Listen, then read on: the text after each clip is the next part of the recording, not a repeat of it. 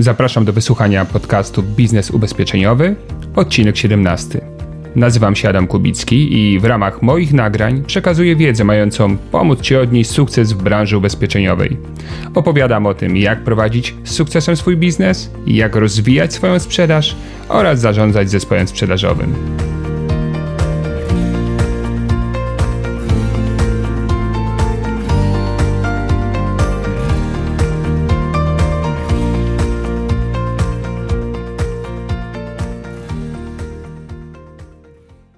Ostatnio miałeś okazję wysłuchać wywiadu z Piotrem. Dzisiaj, dzisiaj wywiad z kobietą. Z kobietą wybitną, młodą, ale już y, pokazującą od wielu lat tak zwanego pazura sprzedażowego.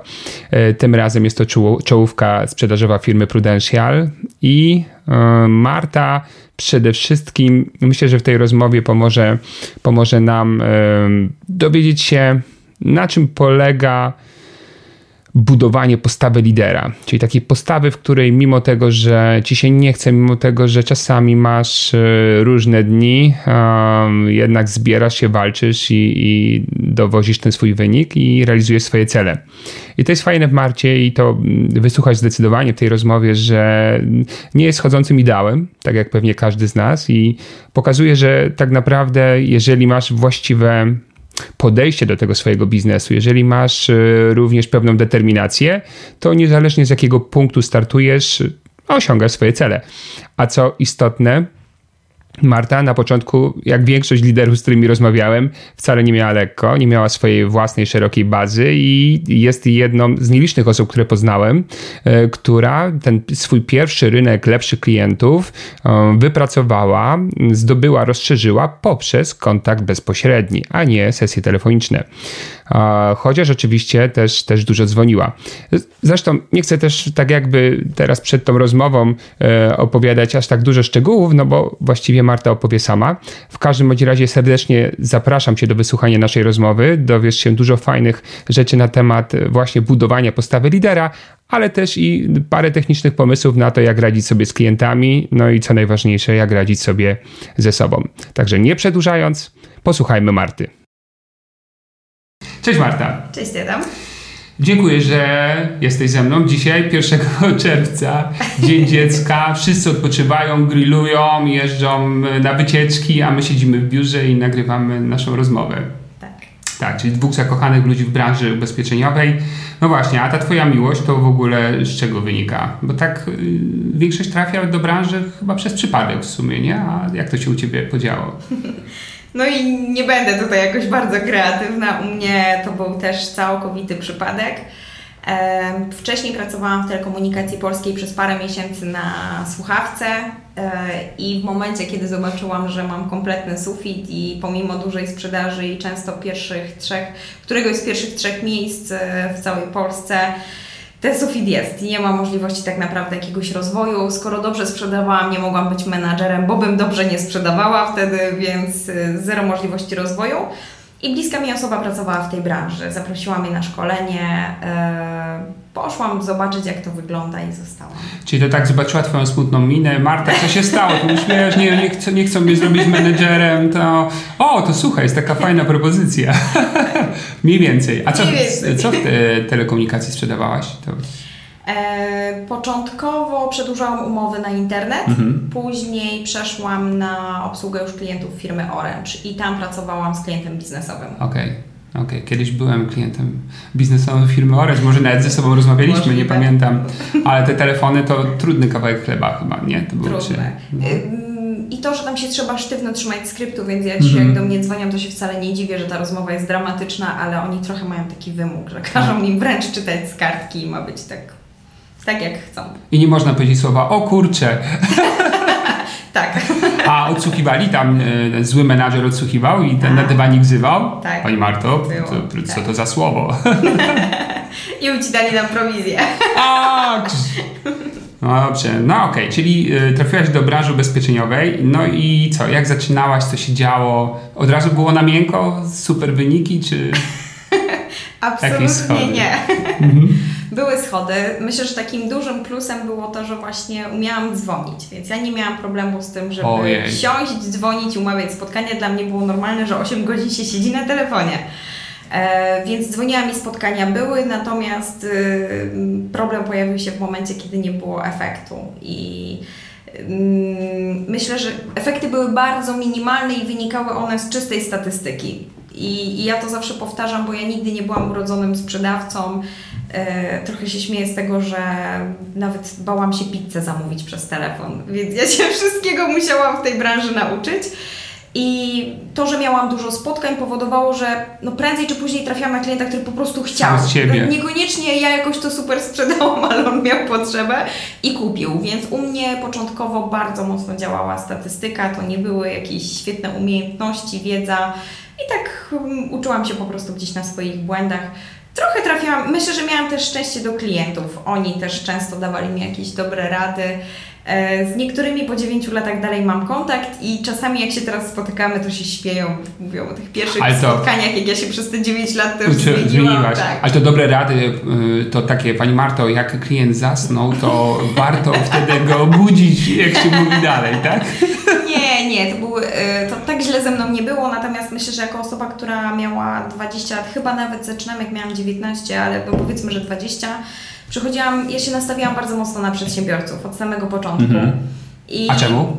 Ym, tak chyba po prostu sobie wymyśliłam, że tak chcę. No i baza z internetu, więc to byli po prostu przedsiębiorcy, więc to jakby samo to z siebie tak wyszło. Czyli telefonowałaś na zimno?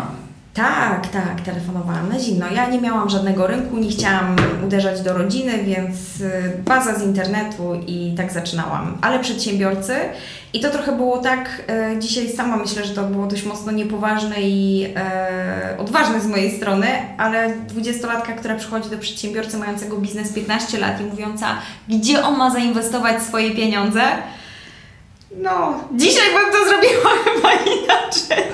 Ale wtedy wyszkolili mnie, ja twierdziłam, że mam pełną wiedzę do tego, żeby wow. im ją przekazywać i mówić, gdzie mają inwestować. Czyli od ilu lat y, uważasz, że warto doradzać? Trzeba mieć ze 40, żeby już wtedy móc zacząć doradzać?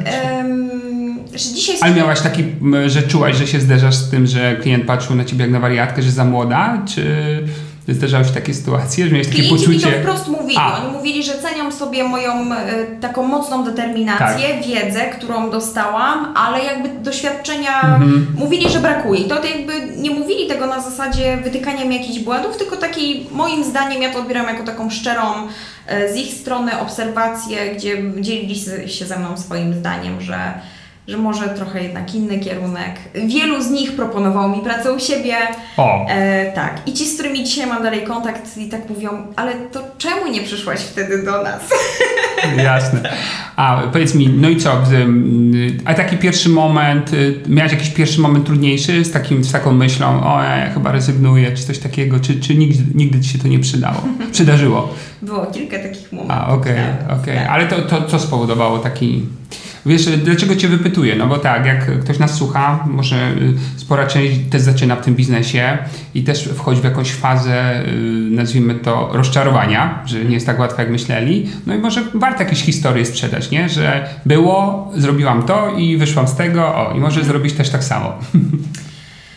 E, u mnie zawsze działała taka chyba moja wewnętrzna motywacja, która jest bardzo silna i w takich najgorszych momentach, a miałam takie pół roku w swoim życiu, w tej, gdzieś mniej więcej w połowie mm, tego czasu, kiedy byłam w tej branży, gdzie było bardzo źle i, i tak już sama nie wiedziałam, czy to rzeczywiście jest dobre, że dalej brnę w tym kierunku i w tej branży jestem, bo to w ogóle nie idzie w tą stronę, w którą powinno, nie ma lepszych wyników, efektów, nie zarabiam więcej.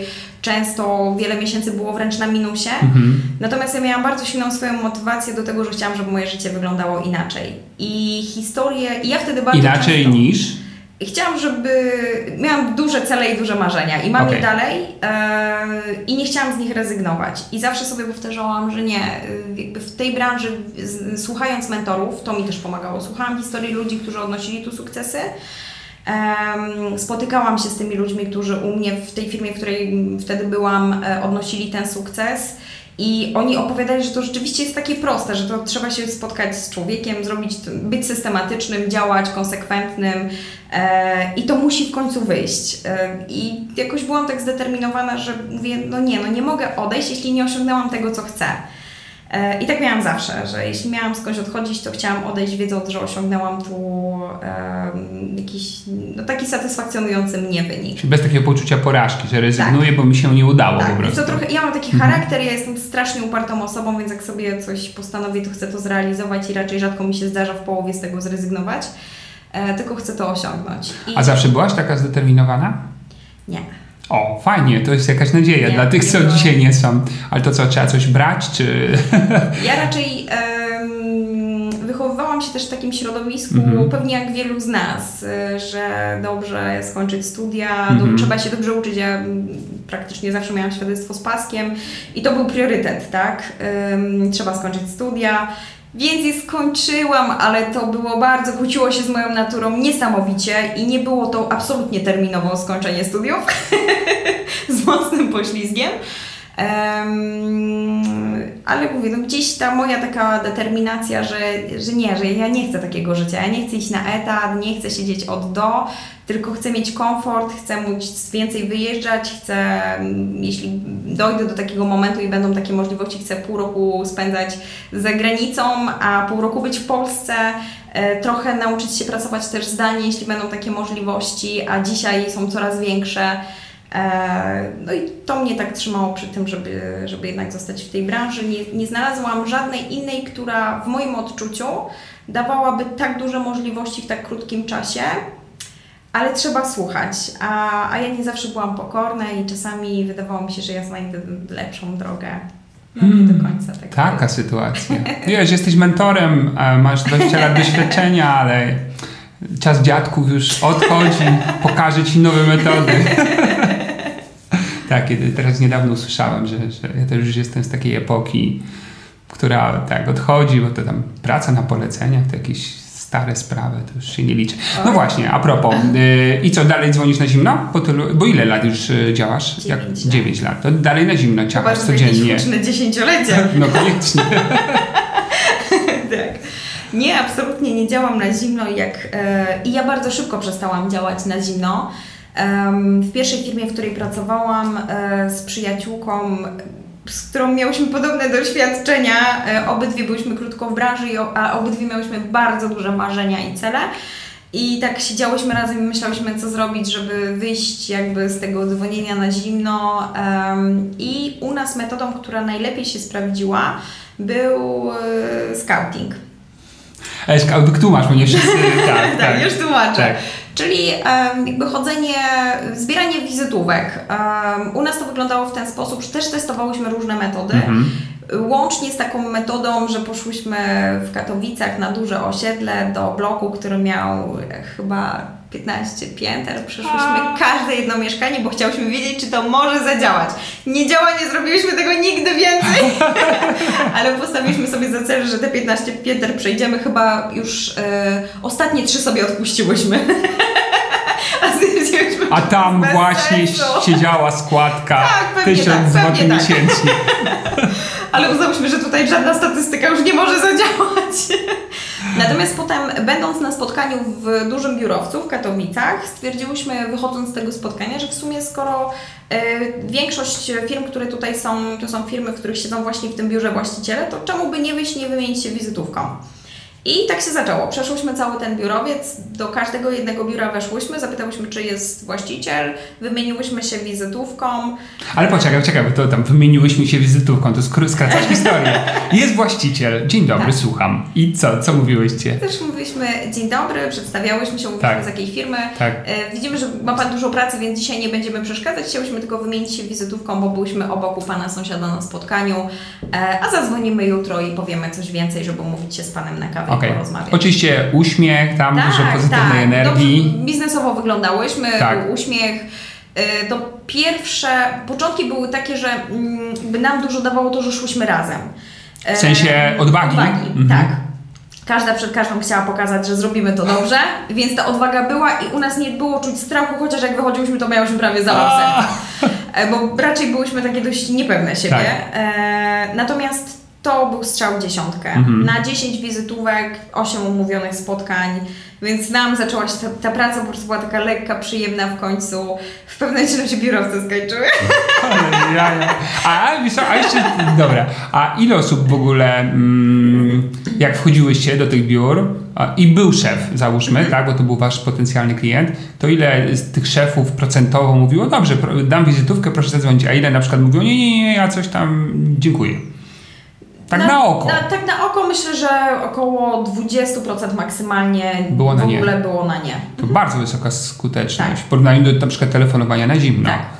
No i potem taka sama skuteczność, jak już dali tą wizytówkę, to naprawdę nie było problemu, żeby się na to spotkanie mhm. umówić nie było, my nie miałyśmy super umiejętności sprzedażowych i jak porównuję sobie tamte spotkania do tych dzisiaj, to, to podejrzewam, że miałabym skuteczność 80% zamykania mm -hmm. tych spotkań. Mm -hmm. Miałyśmy wtedy tą statystyczną, jakieś 20-30%, ale z tych spotkań, właśnie z takiego chodzenia po biurach, miałyśmy pierwsze największe kontrakty, gdzie ym, bardzo szybko podpisałyśmy umowę na 50 tysięcy składki rocznej Um, Co się zdarza wielu inwestycji. Tak, tak, po wielu latach dopiero. Tak, tak. tak. I, I, to jest taki klient, który gdzieś tam jest do dzisiaj. Mm -hmm. No ja już w tej firmie nie pracuję, ale mamy cały tak. czas kontakt. Więc tam się już jakby zaczęło to zupełnie inaczej funkcjonować. Potem zaczęłyśmy wchodzić też mocno już w polecenia E, od tych e, z wizytówek, tak? Tak, tak. A, dobra, Bo mówię, skończyły nam się biurowce i mówimy, ale to, to znowu nam się skończył biznes. Co teraz? właśnie, tak. Niech budują nowe. tak, czekaliśmy na kolejne. Tak, słuchaj, musimy 10 lat poczekać, bo tutaj budują się. No dobrze, a z poleceniami e, przeszłyście na polecenia i też było tak skutecznie jak z wizytówkami? W sensie y, moja prośba, efekt klienta? Ja miałam taką metodę, której już dzisiaj nie stosuję, mhm. bo, bo dzisiaj mm, mocno stawiam też na jakość tych poleceń mhm. i bardziej mi zależy, żeby to była rekomendacja taka mocna mhm. ze strony klienta. Wtedy szłam jeszcze na ilość. Okay. Więc ja miałam zawsze ze sobą wydrukowaną kartkę 15 pozycji. Kartkę dawałam klientowi przed nos E, dały, w którym momencie? Na koniec, rozmowy, na koniec spotkania. I rzadko to kontraktowałam. Ja wiem, że są jakieś schematy, tak czy inaczej nie.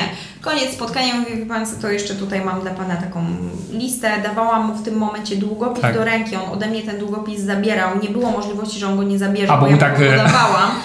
Nie kładłam absolutnie tylko do ręki, żeby wziął go ode mnie i mówię, że poproszę jeszcze kilka kontaktów do osób, z którymi mogłam porozmawiać, tak jak z Panem. Bardzo rzadko nie wypełniali całej listy. Okej, okay.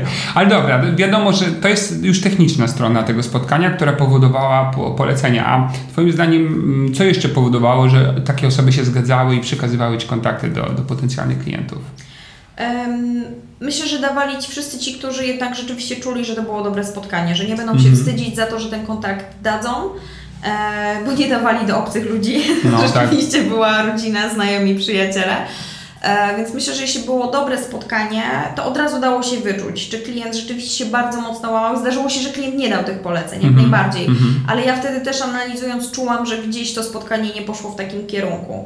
Bardzo rzadko, ale zdarzało mi się takie spotkania, gdzie czułam, że w ogóle nie złapaliśmy z klientem klimatu, jakiegoś wspólnego języka, że wszystko było takie bardzo sztywne, nie ma za bardzo relacji. I ja tak już z automatu pytałam o te polecenia, no bo nigdy nie zaszkodzi e, i zawsze twierdzę, że lepiej to zrobić na pierwszym spotkaniu, bo nawet jak klient obieca, że się spotkamy drugi raz, bardzo często tego spotkania drugiego nie ma. Więc u mnie nie ma czegoś takiego, że po sprzedaży, przy wręczeniu polisy pierwsze spotkanie, zdecydowanie. Wiesz, osoby, które przerzucają to na kolejne tak zwane niby etapy, to głównie nie, bo to jest logiczne, tylko ze strachu przed ze strachu, prośbą. Tak, tak, tak, tak, A już jest taka super relacja, już jest tak fajnie, on na pewno na drugim da. E, tak. A potem przestaje odbierać od nas Ta, telefon.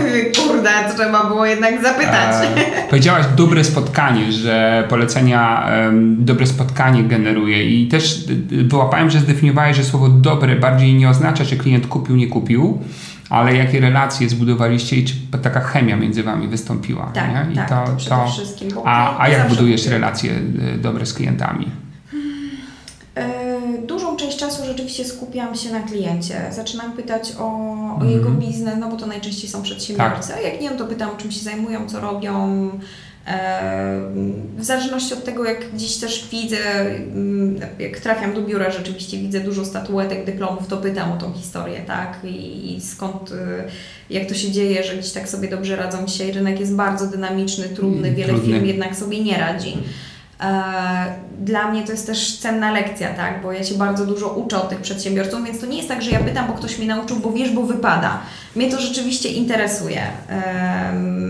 I Myślę, że jak jest takie duże zainteresowanie też klientem. takie często, szczere. Tak, mm -hmm. takie szczere, dokładnie. No nie jest tak, że ja mu powiem, ale ma Pan fajny samochód, tak na siłę, bo już nie wiem czego się tak. Jak Mam też czasami takie spotkanie, na które wchodzę i naprawdę nie wiem, co powiedzieć. Jakby od razu czuję, że to nie jest ta energia, nie robię na siłę relacji. Jeśli widzę, że absolutnie po prostu ja nawet wewnętrznie czuję, że no nie wiem o co tego klienta zapytać, kompletnie jest jakiś taki dziwny, nie robię tego na siłę.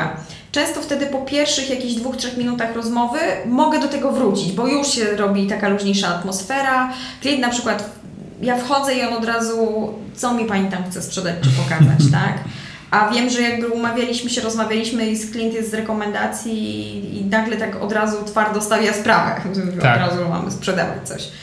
E, więc wtedy zaczynam gdzieś wstępnie, coś tam mówię, natomiast potem od razu też przechodzę do relacji, jak on już zaczyna być trochę bardziej wyluzowany. Coś może się dowiesz, e, możesz tak. się czegoś złapać wtedy, bo on coś powie. Tak. Wie Pani, bo jak ja byłem teraz gdzieś tam, to o, był Pan, a jak tam było, nie? I tak. już się dzieje. Czyli, bo wiesz, ja też uczę y, wielu ludzi w naszej branży, że to budowanie relacji, to tej pozasprzedażowej jest kolosalnie istotne i wpływa nie tylko na polecenie, ale też na skuteczność sprzedażową potem, tak? Bo na zaufanie po prostu wpływa. Tak. I, Myślę, i też... fajnie, że to mówisz, bo to wzmacniasz te, ten mój przekaz, bo też to potwierdzasz, mhm. rozumiem. Tak. I bardzo wiele miałam takich sytuacji, gdzie te moje początki, te, rzeczywiście u mnie to długo ten początek się ciągnął, myślę, że mm. pierwsze 4 lata w branży to była katastrofa kompletna. I u, jakby uwielbiam tych klientów, którzy do mnie wracają z tych pierwszych 4 lat i jest ich dość sporo. Więc myślę sobie, że y, musiało być coś, co spowodowało, że oni ten numer do mnie sobie zachowali i na przykład dzisiaj po iluś latach nawet ostatnio miałam taki przypadek, gdzie klient się do mnie odezwał, że kiedyś dawno temu mieliśmy takie spotkanie, oczywiście też go mam w telefonie. Um, I on dojrzał do tematu i chciałby porozmawiać jeszcze raz, tak? No, u mnie też się dużo mm, pozmieniało, dużo się przez ten czas nauczyłam.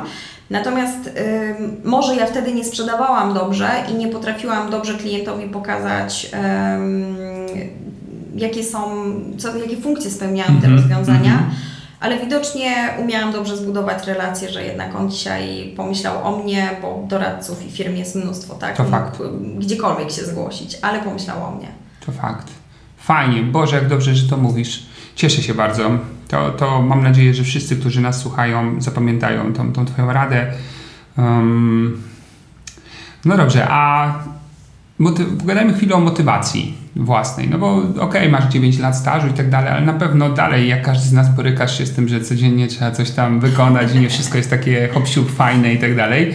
Um, jak wzmacniasz swoją motywację? Co robisz, żeby być zmotywowana? Zwłaszcza wtedy, jak czujesz, że pękasz, nie? Że jak masz coś zrobić, a ci się nie chce. Znaczy, jak mam rzeczywiście taki dzień, że czuję, że, no. że to jest kompletna katastrofa i, i nic mi dzisiaj nie wyjdzie, to szczerze mówiąc sobie taki dzień po prostu zwyczajnie odpuszczam. Bo one nie zdarzają się co tydzień i nawet rzadko raz na miesiąc się zdarzają, tak. więc nie mam absolutnie żadnego dyskomfortu z tym, że sobie ten dzień odpuszczę. Wtedy często dzwonię do e, mojego dyrektora, umawiam się z nim po prostu na lunch albo na kawę, żeby porozmawiać. E, trochę mówię o tym, tak, że mam jakiś e, gorszy dzień, porozmawiamy, trochę się wzajemnie zmotywujemy i, i po prostu na drugi dzień wracam do pracy i wszystko wraca do normy. Boże, poczekaj, muszę to zapamiętać. Jak mam zły dzień, dzwonię do swojego dyrektora, a on mnie motywuje. A są jaja po prostu. Nie, bo wiesz, dlaczego mówię jaja, Marta? Się bardzo rzadko zdarza, żeby ktoś miał pierwszą myśl, że jak ma zły dzień, to dzwoni do swojego dyrektora. Ale okej, okay, to, to zapamiętamy. Trzeba cię oprawić i gdzieś powiesić. E, tylko dyrektor, czy jeszcze jakieś narzędzia masz? Nie, ym, jakby w, y, ja mam rzeczywiście bardzo mocną swoją taką wewnętrzną motywację mm -hmm. i mi się takie dni rzadko zdarzają. Czasami zdarzy mi się jakiś taki po prostu biznesowy zastój. I pomimo tego, że coś robię, to, to jest jakby to jest tak mało chęci z mojej strony, że efekt jest też słaby i zdarzy taki tydzień, że się przez ten tydzień nic nie wydarza. Robię sobie potem w piątek statystyki i mówię, dobra, tydzień był beznadziejny, więc w przyszłym tygodniu nie może być lepiej, bo będzie, jakby ten tydzień będzie kolejny pokłosiem tego, co zrobiłam tydzień wcześniej, więc tam się nic nie może wydarzyć nagle spektakularnego. Natomiast jakby y, ja sobie zawsze ustalam, co chcę w danym roku zrobić, w danym kwartale, półroczu, miesiącu. A poczekaj, I... to pauza. Czyli robisz sobie cele roczne, kwartale i miesięczne. Tak. A jak mówisz ustalam sobie, to co głównie ustalasz? Um, kilka parametrów. Z jednej mhm. strony, jaką będę chciała całkowitą swoją sprzedaż zrobić roczną. Mierzę to składką, prowizją? Mierzę to składką. składką. Porównuję sobie do tego, jaki zrobiłam wynik rok wcześniej, jaka mhm. była średnia też składka. Um, Dajesz więcej co roku? Daję co roku więcej, dlatego że no chociażby zeszły rok mi pokazał, miałam bardzo dużo polis, tak. ale dość niską średnią składkę. Mhm. I wiedziałam, że jak chcę w tym roku podwoić ten wynik, bo taki mhm. jest cel. Um, no to na takiej składce to mi dni braknie tak, na pracę. Tak. Pomimo dobrej skuteczności to tych dni braknie. Mhm. Więc musiałam pierwsze co zrobić, to te pierwsze miesiące pracowałam dość mocno nad yy, składką. Nawet nie nad klientem, bo ta moja składka trochę wynikała też z tego, że ja nie do końca zawsze byłam pewna tego, że jeśli robi klientowi analizę i wychodzi duża składka, mi ona często trochę nie przechodziła przez gardło. Mhm. I ja już sobie sama gdzieś w głowie oceniałam, nie, jak klient to zobaczy, to absolutnie tego nie zaakceptuje, więc może od razu zróbmy mniej. Więc te niskie składki myślę, że bardziej z tego wynikały. W tym roku pracowałam nad tym, żeby wychodzić od tego, co klientowi jest w pierwszej kolejności potrzebne jeśli klient stwierdza, że go na to nie stać, niech sam to zmienia, niech sam decyduje, z czego chce zrezygnować. Więc I sprawdziło się? E, słucham? Sprawdziła się ta tak, metoda? bardzo szybko. Już w pierwszym kwartale bardzo, dość znacznie poszła mi ta składka mm. średnia do góry, mm więc y, i tak progresywnie kwartał do kwartału jest coraz wyżej, więc myślę, że jest to na to Ojejku, fajnie masz. Super, czyli, czyli stawiasz sobie cele. Zawsze uczę, że są takie cztery źródła motywacji wewnętrznej. Jak ktoś szuka tych źródeł, albo trzeba się po prostu wystraszyć w życiu, czyli sobie już tak popsuć, żeby naprawdę było ostro i, i ten strach mhm. powoduje, albo ambicja, nie? bo są ludzie, którzy są ambitni i tam ciągle z kimś muszą wygrać i rywalizują i pokazują światu, że są lepsi lub najlepsi. Mhm. Cele i jeszcze tam wartości tacy, co pomagają. U Ciebie cele są najsilniejszym bodźcem? Czy ambicja też? Albo strach może. Był taki moment, kiedy to był strach. Mhm. Doszłam do takiego momentu, kiedy wiedziałam, że już e, no z branży nie mam co odchodzić, bo nigdzie nie zarobię tyle, żeby móc jakby pokryć swoje comiesięczne koszty. Mhm. I, I to rzeczywiście już był taki naprawdę bardzo trudny moment i wiedziałam, że wyjścia nie ma, że gdziekolwiek bym nie poszła na etat, to to całe życie nie wyjdę z miejsca, w którym jestem. Tak. E, więc wiedziałam, że to jest jedyne miejsce, w którym mogę zarobić dość szybko takie pieniądze, które pozwolą mi w miarę komfortowo żyć, funkcjonować e, i zarabiać coraz więcej. Więc był, mówię, taki, był taki moment, gdzie takim kluczowym motywatorem był rzeczywiście już strach. E, dzisiaj na pewno ambicja. E, Jednak. Tak cele i myślę, że jednak też ta taka chęć, ja w tamtym roku, to był pierwszy rok, ósmy rok mój w branży i pierwszy rok, kiedy e, pierwszy klient mi zmarł, mm, kilku klientów e, zaczęło chorować i to był pierwszy rok, który mi pokazał, że to co robimy, tak się trochę mówi w branży, tak? Jak pierwszy klient Ci umrze, czy będziesz mieć pierwszą wypłatę, Niestety to jakby nie do końca był mój klient, bo to był mąż klientki. Klientka jest u mnie zabezpieczona na wszystkie możliwe strony, syn również, mąż się uparł, że nie. Więc Aha, to, to była, taka sytuacja. Ja przeżywałam to podwójnie niefajne dla Ciebie. Tak. Mhm. I pomimo kilku rozmów też moich z tym klientem, on się uparł, że on się nie ubezpieczy. E, dostał diagnozę, dwa miesiące później go nie było. Mhm. A to był to żywiciel rodziny, czy współuczestnik budże, w budżecie znacz, znaczący? Ale znaczący. Tak. Znaczący. Tak. E, więc wtedy sobie powiedziałam, nie, to co robisz jest naprawdę potrzebne ludziom, bo potem zostają często w bardzo trudnej sytuacji. Mhm. E, więc dzisiaj mówię, jeśli klient chce, nie wiem, mniejszą polisę, mniejszą składkę, wydaje, oddaję tą decyzję mu, mówiąc, że ja twierdzę, że to, co jest mu potrzebne według mojej wiedzy, um, którą posiadam, to jest to. Jeśli on chce cokolwiek zmniejszyć, płacić mniej i gorzej zabezpieczyć swoją rodzinę, to niech sam podejmuje decyzję, z czego chce rezygnować. I co wtedy? O, ale się obraziłem, nic od Pani nie, nie wezmę. Nie, czasami rzeczywiście coś zmieniają, zmniejszają, tak. ale już bardzo też asekuracyjnie, bo ja to oddaję im i oni sami muszą powiedzieć, no, no to, to kurczę, to tutaj nie no, tyle to rzeczywiście no te choroby to to jest minimum absolutne i widzę, że im samym jest ciężko. Gdybym to ja zaczęła im zmieniać, zmniejszać i sugerować, no to tu zmniejszmy o połowę sumę, tu o połowę składkę, to im jest łatwiej, bo trochę A, no oddali tą odpowiedzialność. Słuchaj, to co mówisz jest mega istotne od strony technik wywierania wpływu. To trzeba to po, po, po, powtórzyć, to co powiedziałaś, że kiedy to ty sugerujesz y, zmniejszanie i dajesz propozycję zmniejszenia, zrzucasz ich odpowiedzialność tak, ich na siebie tak. i oni się łatwiej w to wejdą.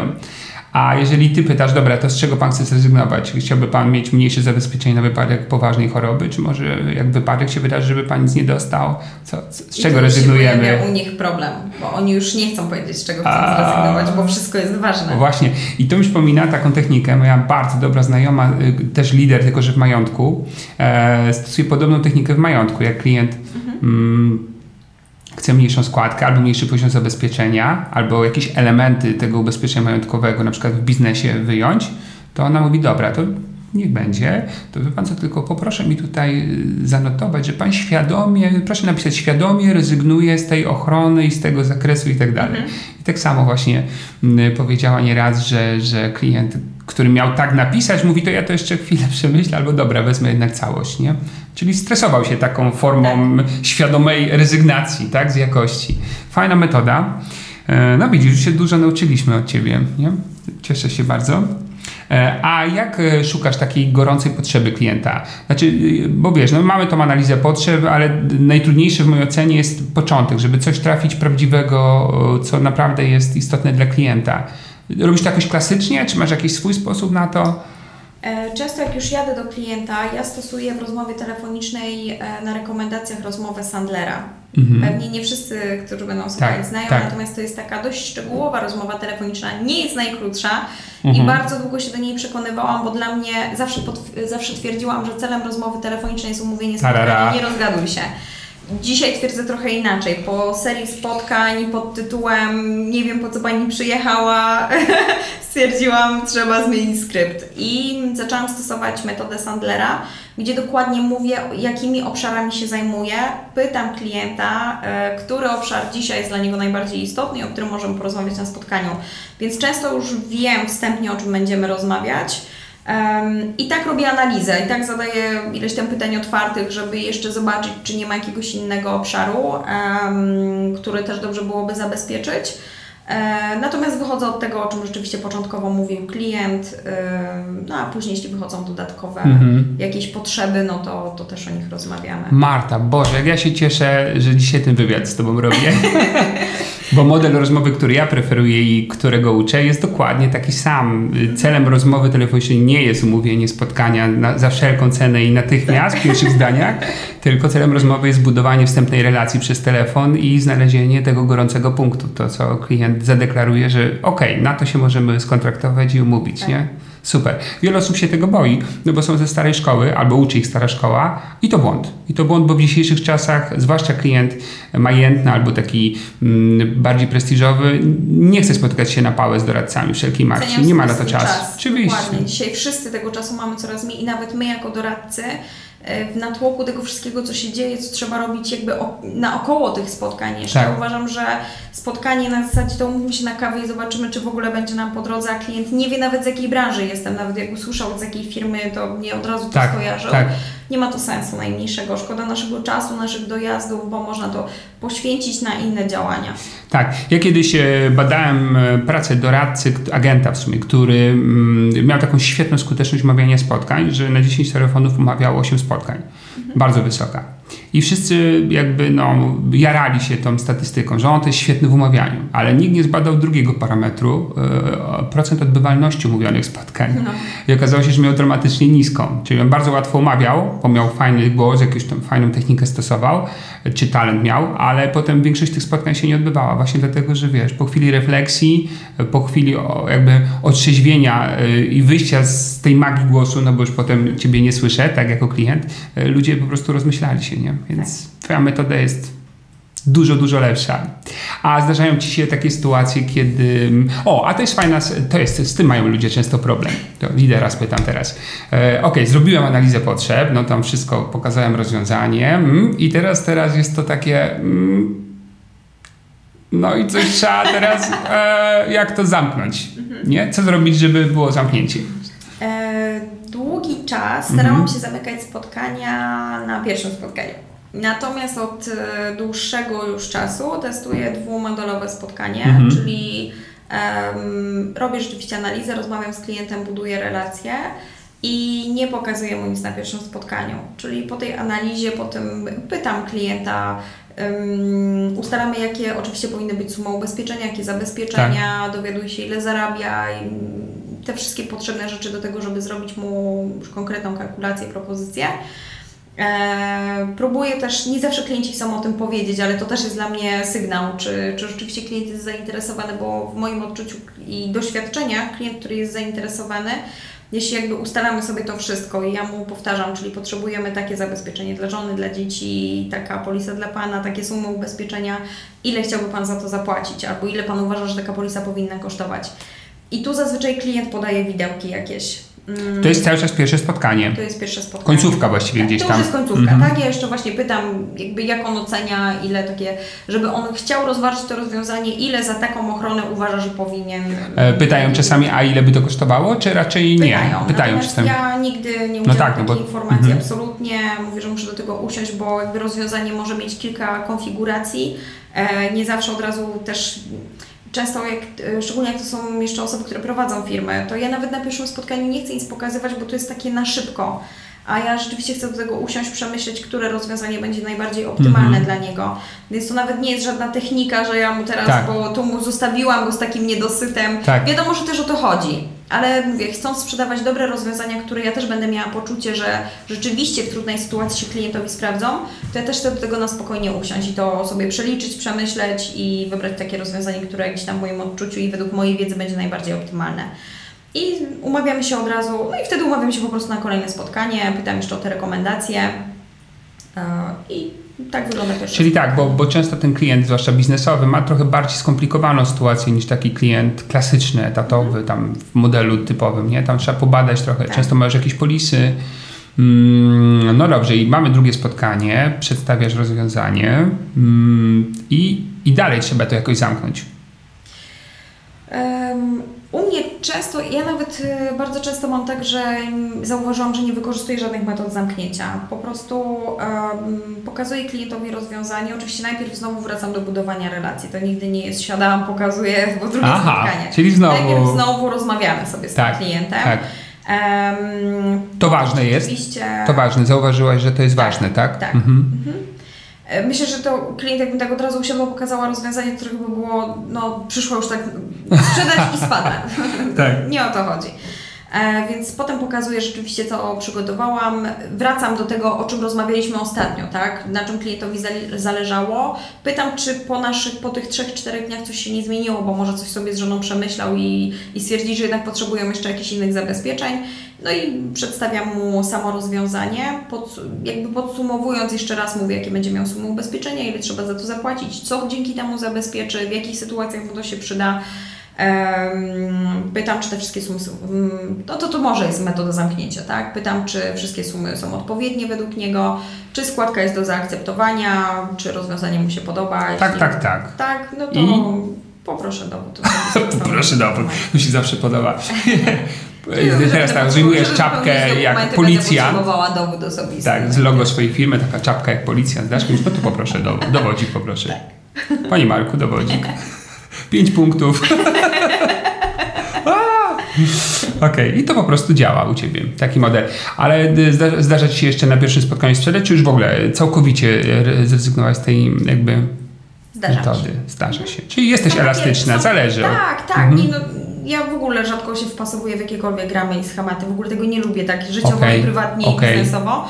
Em, natomiast y, są takie spotkania z rekomendacji, gdzie ym, nawet ostatnio dość daleko jechałam na spotkanie, zanim zdążyłam usiąść, klient powiedział, to już niech Pani wyciąga te dokumenty, wypełniamy wnioski. Ja mówię, ale jeszcze nic nie wiemy, nie zamieniłam z Panem dwóch zdań nawet.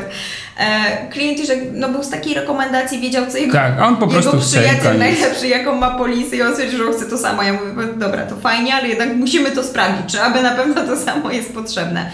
E, no i tu było na pierwszym spotkaniu. Pomimo tego, że ja i tak jeszcze zrobiłam analizę, sprawdziłam, mhm. czy rzeczywiście na pewno kopia polisy.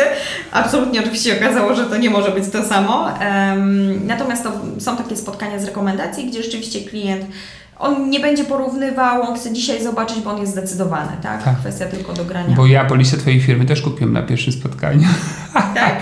no tak, potrzebowałem prostego rozwiązania, wiesz, umowy terminowej, no co tu analizować, tak? Podałem sumę ubezpieczenia, konsultantka podała składkę i tyle, nie? I mhm. ciach, nie? By to rozdzieliła na dwa, to kurczę, nie? Ona z Warszawy, ja z Łodzi, byłoby ciężko. E, no dobrze, a zdarzają Ci się sytuacje, kiedy klient mówi na końcu tego drugiego spotkania, że on to musi jeszcze przemyśleć? Tak, zdarzają. Zdarzają się. I co wtedy robisz? Um, zadaję kolejne pytania, bo że musi to przemyśleć, to pytanie dlaczego.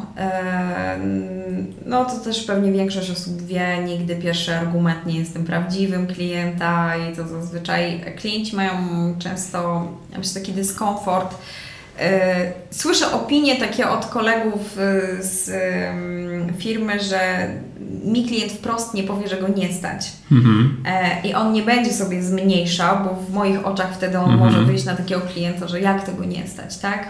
Mercedes stoi pod biurem, a on mi powie, że składka jest za duża. Um, dlatego ja muszę wtedy dość gdzieś tam wnikliwie jeszcze pytać. Um, nagle się pojawiają jakieś argumenty pod tytułem muszę to skonsultować, a ja zawsze w telefonicznej rozmowie o to pytam, czy potrzebuję, czy jakby są to rozwiązania, które konsultuję z kimś i będzie ktoś na spotkaniu, e, czy podejmuję takie decyzje sam. I jak dostaję jasną informację, że sam, to potem to wykorzystuję. I mówisz, ale to konsultacja z kim? tak. Zaskoczył mnie Pan. Tak. Co się zmieniło? Mnie pan. Ta-da-da. Także próbuję wyłapać, co jest rzeczywiście takim prawdziwym mhm. powodem, że klient nie potrafi podjąć decyzji dzisiaj, bo szczególnie jeśli jest dwuetapowe spotkanie i on przemyślał i jakby ustaliliśmy i w rozmowie sam wiele razy podkreślał, że potrzebuje tego typu rozwiązań, a z jakiegoś powodu nie podejmuje tej decyzji i nie chce od razu podpisać umowy, znaczy od razu na tym drugim spotkaniu, to coś musi być na rzeczy. No właśnie. I powiem zupełnie szczerze, nie zawsze to wyłapię. I mhm. dalej mam takie spotkania, gdzie nie zamknę e, kontraktów i to są dla mnie najtrudniejsze spotkania, bo ja potem siedzę i je tydzień analizuję, się zastanawiam o co chodzi, bo klient mi wprost nie powiedział i z jakiegoś powodu ja też nie wyłapałam jednak tego, pomimo serii pytań, no gdzieś nie i koniec. I to są takie sytuacje, gdzie dla mnie takim moim marzeniem byłoby to, żeby klient, żebym ja do niego zadzwoniła, jak nie potrafi tego powiedzieć w oczy i po prostu mm, jakby idąc w tym kierunku, że mnie to rozwija i pozwala mi rozwijać mój biznes, że ja wiem szczerze, co nie zagrało, tak? I ja się nie obrażam, bo to jest dla mnie konstruktywne. Żeby taki klient szczerze powiedział, Pani Marto, no nie zagrało mi to i to, albo nie podoba mi się to i to, albo nie wiem, uważam, że tu coś Pani zrobiła nie tak. Um, i, I to byłoby cudowne, gdyby klienci potrafili A. tak mówić. Niestety 99% nie potrafi. Um, łącznie z tym, że mam takie sytuacje, gdzie zamykam polisy um, i są to większe kontrakty i one się później nie opłacają, tak?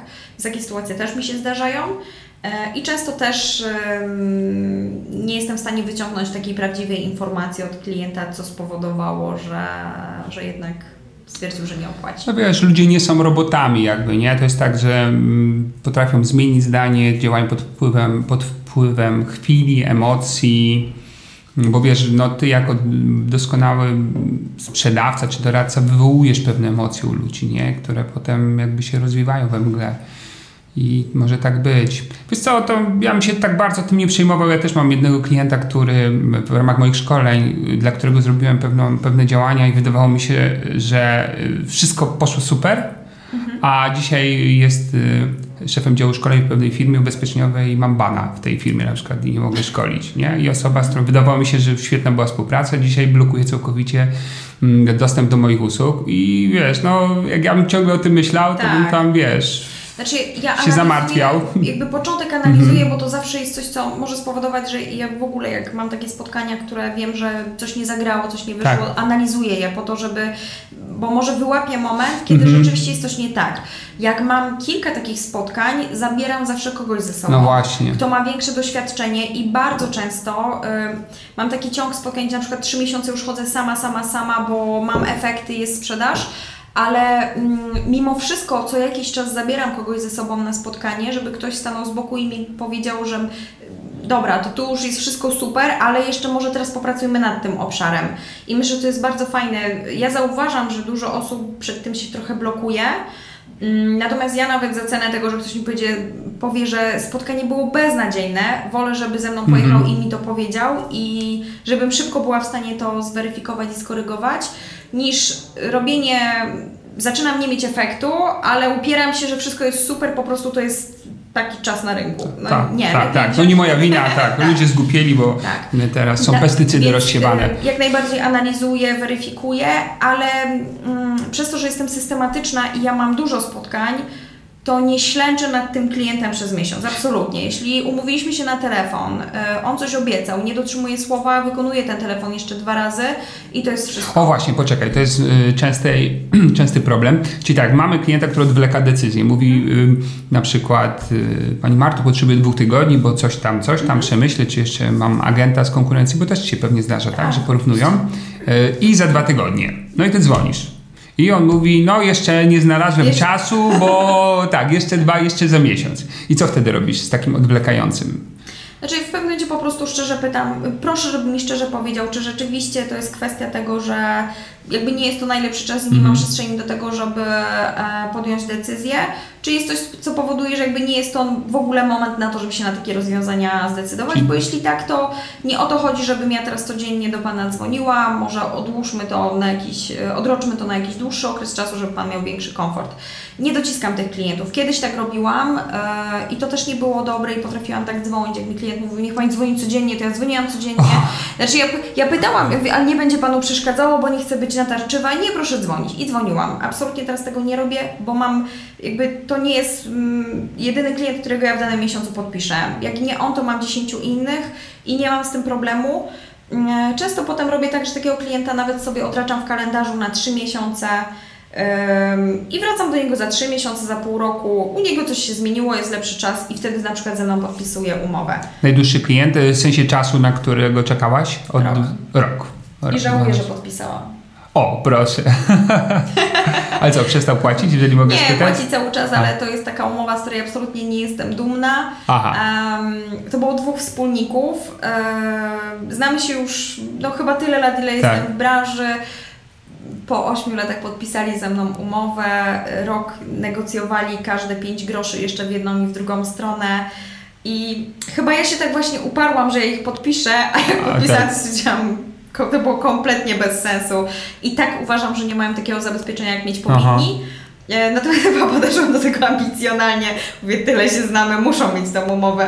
Znaczy ja czułam, że rzeczywiście oni tego potrzebują, tak, bo nie tak, mają żadnego tak. zabezpieczenia, ale nie jest to taka umowa, jak mieć powinni. Powinni mieć dużo wyższe zabezpieczenie. Wiesz, to jest w ogóle paradoks, bo w ubezpieczeniach, jak oni mówią, że negocjują z nami, co tu negocjować, tak? Dokładnie. Oni negocjują sami z sobą poziom zabezpieczenia tak naprawdę, nie? I, i przecież my nie mamy ruchomych stawek czy ruchomych cen tych tak. ubezpieczeń.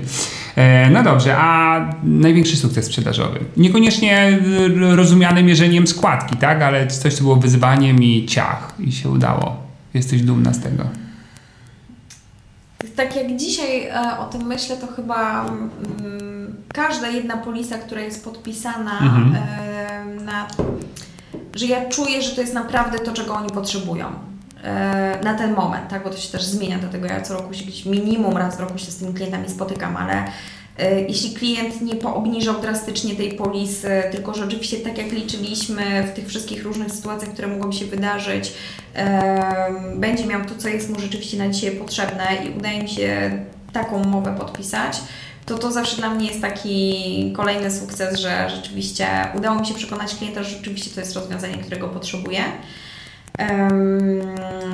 I to, o czym mówiłam na początku, chyba każdy taki klient, który wraca tak sam z siebie. E, to jest strasznie fajne, bo to są klienci, z którymi ja dzisiaj mam najlepsze relacje. To są klienci, którzy dzwonią, Pani Martusiu, zapraszam w weekend na ciasteczko i kawę. E, jak do nich przyjeżdżam, to pieką specjalnie ciasto dla mnie. O, proszę. E, tak. Potem fitness musi być. Potem, tak, musi być oczywiście. Natomiast są tacy klienci rzeczywiście, z którymi mm, znamy się już praktycznie od początku, jak ja zaczynałam w branży. To są tacy klienci, którzy dla mnie na pewnym etapie też byli mentorami, bo prowadzą duże biznesy. Długo ze mną nic nie podpisali, e, a dzisiaj już są moimi klientami, tak rzeczywiście. Wcześniej to było na zasadzie takiej, że się raz na jakiś czas spotkaliśmy, wymienialiśmy jakieś tam swoje spostrzeżenia. Bardziej ja mm, na różnych etapach y, przechodzenia w tym biznesie spotkałam się z nimi i prosiłam ich o jakąś radę. E, no a mówię, dzisiaj po tylu latach widząc co robię, zostali jednak moimi klientami. No dobra, to y, Marta, podsumowując naszą rozmowę, e, trzy rady dla tych, którzy chcą, żeby było lepiej w biznesie niż jest dzisiaj sprzedażowym. Nie? Mamy słuchacza, słucha i mówi, Boże, jak ona ma fajnie, też tak bym chciał. Trzy, trzy rady. Co powinien zrobić, żeby postawić się na nogi? E, to, co mi się tak sprawdza, jak rzeczywiście jest taki dzień, że ja kompletnie wstaję rano i już od rana wiem, że nie wiem, co będę robić, że trochę nie ma spotkań, trochę nie wiem, do kogo zadzwonić i tak w ogóle przyjadę do biura i też nie wiem, co będę robić. E, ja sobie napisałam taką trochę procedurę na taki dzień. Mhm. E, I mam tam kilka punktów, co zrobić, jak nie mam spotkań, e, co zrobić, jak nie mam gdzie dzwonić, co zrobić, jak mam właśnie taki cięższy dzień i w ogóle nie mam na siebie pomysłu. I tam mam wypisanych kilka takich pomysłów, żeby się po prostu umówić na taką trochę towarzyską kawę z jakimś ulubionym klientem, e, podjechać do kogoś tak spontanicznie. Nie, e, nie mam czegoś takiego wtedy, że przychodzę do biura i mówię, Jezus, nie mam spotkań, w ogóle tydzień wygląda dramatycznie, to ja teraz będę siedzieć i 8 godzin dzwonić. To mi to nigdy nie przynosi efektu. Tak. To mnie frustruje jeszcze bardziej, więc ja sobie wtedy czytam tą moją procedurę, wybieram sobie z niej ten punkt, który dzisiaj stwierdzam, że sprawi mi najmniej bólu. I to często jest y, właśnie ta kawa taka towarzyska, więc ja myślę, do kogo, do którego klienta by tu podjechać na 15 minut na kawę. Od razu mi się po takim spotkaniu poprawia humor i wtedy zazwyczaj już wiem, co robić dalej. Tak? Samo się tak, dzieje samo wtedy. Z siebie, tak. e, a to masz e, w tablecie, w komputerze, na kartce papieru tą procedurę? W, na, w tablecie. W tablecie. No, bo to często też podsyłam nowym osobom, które, które mają dużo takich dni, że przychodzą i tak już dzwonią, mm -hmm, dzwonią, mają mm -hmm, dość mm -hmm, po mhm, prostu tego mhm, dzwonienia mhm. i to się w ogóle nie sprawdza. Mówię, to zrób po prostu coś innego zwyczajnie, tak? Fajnie. Jeszcze jakaś rada? Myślę, że ważna jest taka, taka konsekwencja i działanie pomimo tego, że się nie chce. E, bo takich dni może być trochę i potem możemy trochę wpaść w taką pętlę tego, że dobra, dziś mi się nie chce, jutro mi się nie chce. Właściwie to jest początek miesiąca, ja mam strasznie dużo czasu, to ja chyba sobie w ogóle ten tydzień odpuszczę, bo jak zacznę od kolejnego, to nic się wielkiego nie wydarzy. No myślę sobie, że nie w tej branży. Tutaj ta systematyka jest bardzo ważna i nawet jeśli to będą trzy telefony dziennie, to niech one są, e, ale nie odpuszczać tak całkowicie, że nie robi się nic. Więc Czyli ja... lepiej mniej, ale regularnie, ale jednak zrobić, żeby tak, podtrzymać, tak, nie? To zauważyłeś, że to w mentale jest istotne, dla mentale człowieka, nie? Że coś, tak. cokolwiek robisz, a czasami coś z tego wyjdzie nawet z tych trzech telefonów. Tak, właśnie to jest to, że y, ja nawet mam taką bazę, gdzie mam wpisane wszystkie spotkania, no może tam jakieś sporadycznie któreś mi umknęło, ale raczej wszystkie spotkania, które odbyłam przez te 9 lat, więc ta baza jest przeogromna. I yy, nieraz sobie w takie dni też, to też jest jeden z punktów, tak, że sobie przeglądam tą bazę i są tacy klienci, którzy mi w pamięci utkwili tak sobie po prostu do nich spontanicznie też wtedy zadzwonię po prostu pogadać. Nic im nie sprzedałam, a często się okazuje, że u nich się coś pozmieniało, że firma im się rozrosła i że właściwie to w sumie mogłem przyjechać pogadać, bo może teraz będzie nam bardziej po Coś się wydarzy. Fajnie, fajnie. I rozumiem co, plan na ten rok podwojenie sprzedaży z roku poprzedniego. Marta, bardzo, bardzo będę trzymał kciuki za to, żeby ten cel udało Ci się osiągnąć. Dziękuję. Dziękuję za naszą rozmowę i wszystkiego dobrego i do zobaczenia. Dziękuję Tobie również.